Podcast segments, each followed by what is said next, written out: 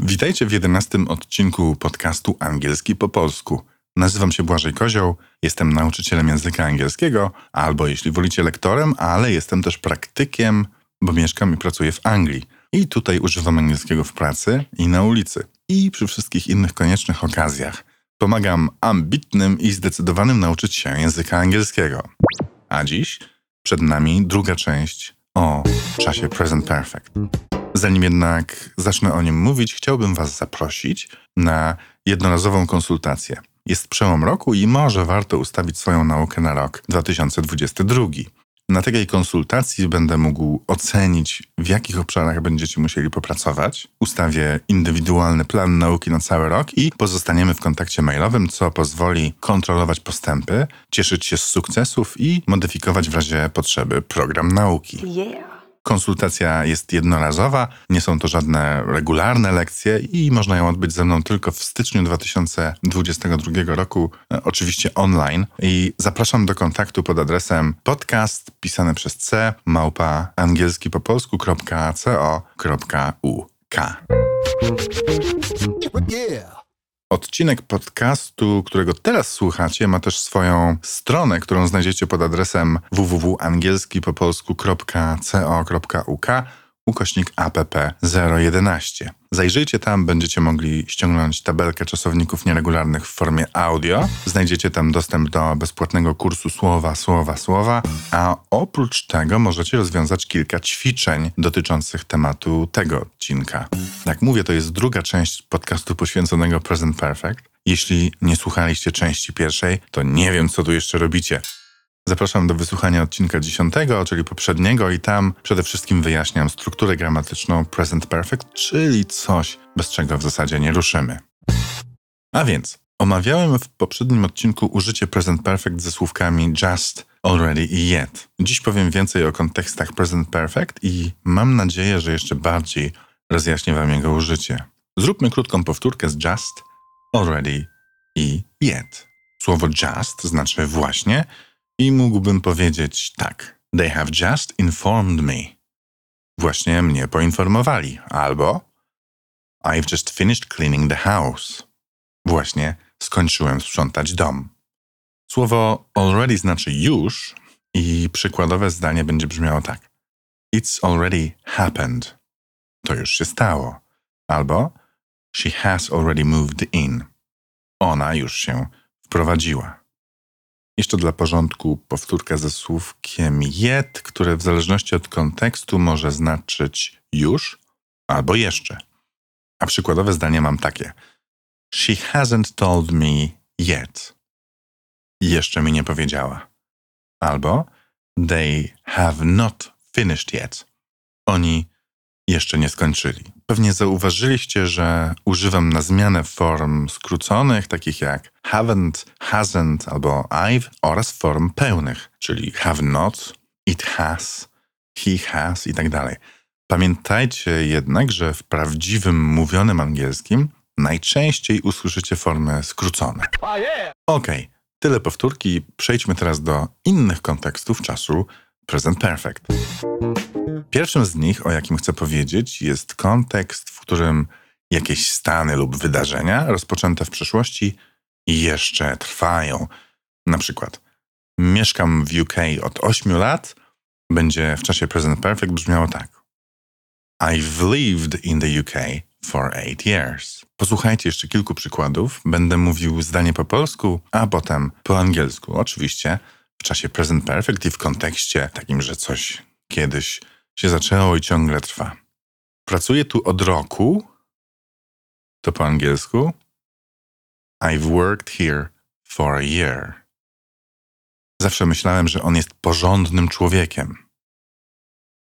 I've always thought he was a decent human being. Zawsze kibicowałem mojej lokalnej drużynie piłkarskiej.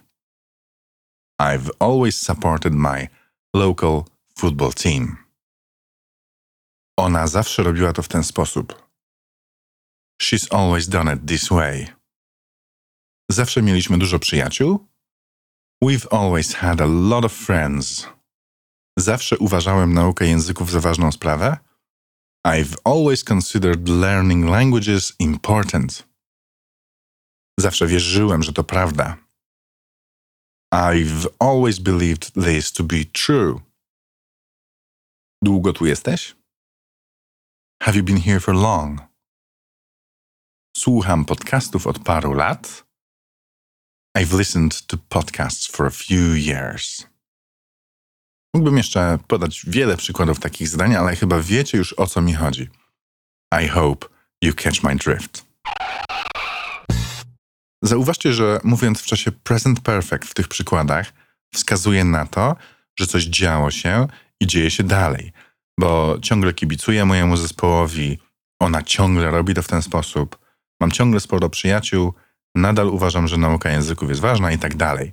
Więc jak widzicie w czasie present perfect, jak we śnie miesza się przeszłość i teraźniejszość. Powtórzę to jeszcze raz. Te zdania odnoszą się zarówno do przeszłości, jak i do teraźniejszości.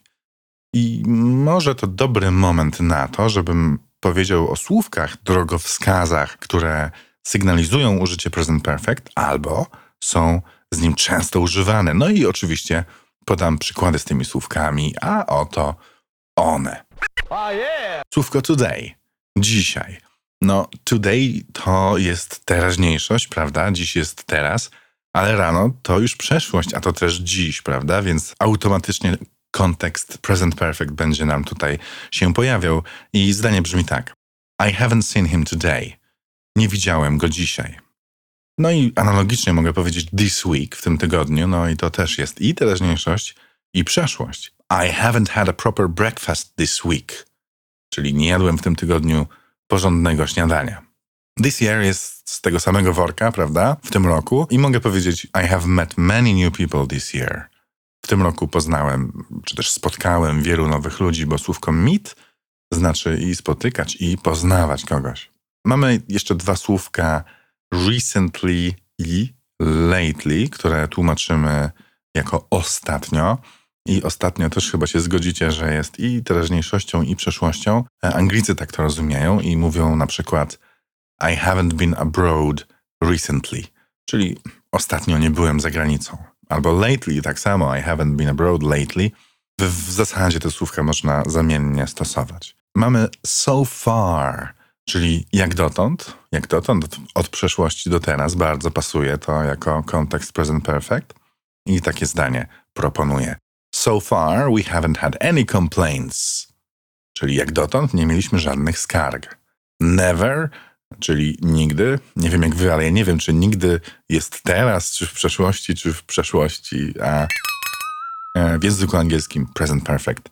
I've never seen him so excited. Nigdy jeszcze nie widziałem go tak podekscytowanego.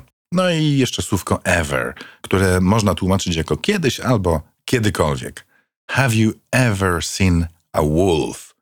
Czy widziałeś kiedyś wilka? I jeszcze dwa bardzo ważne słówka w tej wyliczance: since i for.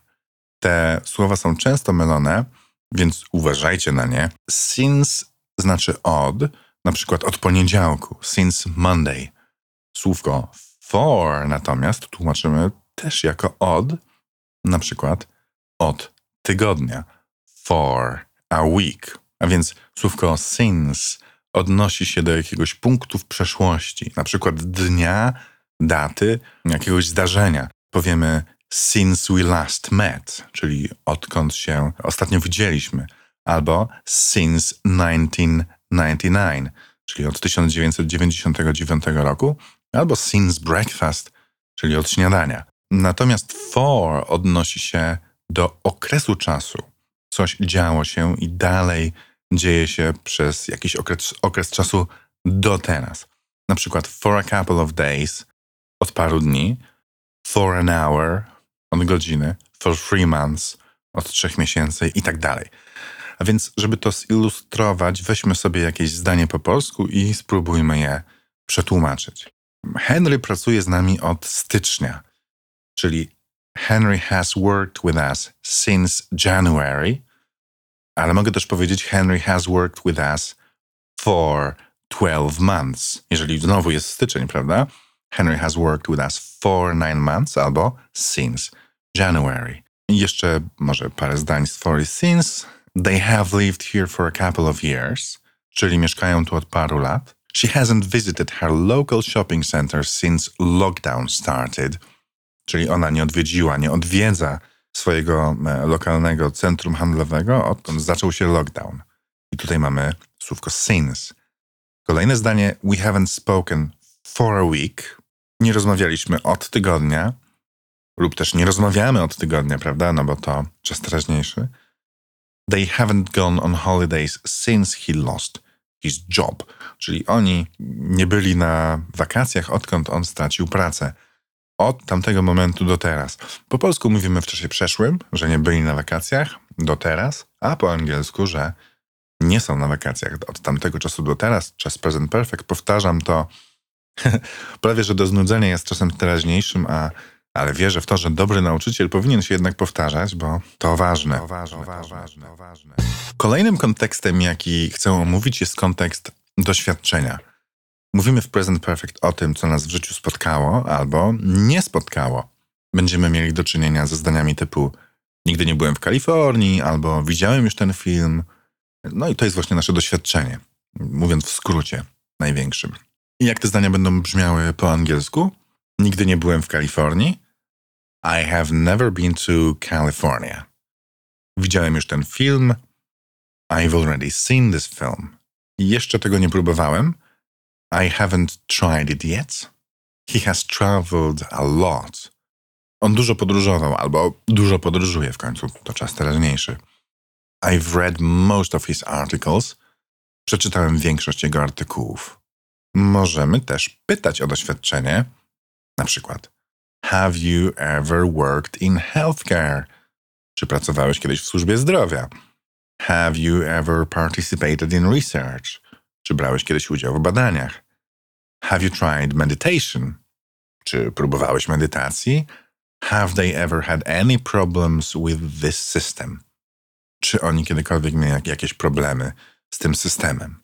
Więc ten kontekst to był kontekst doświadczenia. Mamy jeszcze jeden kontekst. E, to jest kontekst, w którym coś ktoś robi po raz pierwszy i może po prostu zilustruje to zdaniami.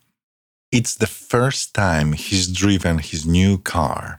Czyli to jest pierwszy raz, kiedy on jedzie swoim nowym samochodem. It's the first time he's driven his new car. Albo It's the first time I've spoken to my boss in person. Czyli to jest pierwszy raz, kiedy rozmawiam z moim szefem osobiście, no bo pracujemy z domu, powiedzmy. No i pierwszy raz go spotkał. I jest jeszcze jeden kontekst, e, pozostał nam jeszcze jeden kontekst, jest to kontekst przyszłości. E, I pewnie powiecie, I know what you're thinking, powiecie, ale Błażej mówiłeś, że to teraźniejszość, mm, to trochę na bakier z tym, co dotychczas usłyszeliśmy, bo przecież present perfect jest czasem teraźniejszym, a teraz mówię że będzie używany do przyszłości. Ale w rzeczywistości pozostaje on teraźniejszy, a jedynie jego kontekst jest przyszły. Mm, no okej, okay, o co chodzi? Kiedy chcemy powiedzieć, gdy już będziesz miał to zrobione, zadzwoń do mnie i powiemy wtedy, once you have finished doing it, please call me. Albo na przykład, gdy program się zainstaluje, musisz zrestartować komputer. komputer. once the software has finished installing, You need to restart your computer. Jeszcze raz powtórzę to zdanie po polsku i po angielsku. E, gdy program się zainstaluje, musisz zrestartować komputer. Once the software has finished installing, you need to restart your computer ale ten kontekst jest niezbyt częsty e, w użyciu, więc nie musicie o nim aż tak mocno pamiętać. Pamiętajcie za to o tych kontekstach, o których mówiłem w tym podcaście i w poprzednim. Pamiętajcie o tym, że czas present perfect jest czasem teraźniejszym i sprawia on nam, Polakom, najwięcej problemu, jeśli chodzi o czasy. E, więc to na dzisiaj tyle. Zapraszam do kolejnego odcinka w którym będą goście. Nie było dotychczas odcinku e, z gośćmi, ale to się zmieni. Będzie odcinek z gośćmi. Będziemy rozmawiać o tym, jak się nie uczyć języków obcych. Zapraszam też do mojego autorskiego kursu Home English Academy. który znajdziecie pod adresem homeengliszacademy.co.uk i do usłyszenia w kolejnym odcinku, w którym spotkamy się z gośćmi. Przez mikrofon z Anglii mówił do Was Błażej Kozioł. Serdecznie Was pozdrawiam i życzę wszystkiego najlepszego w roku 2022.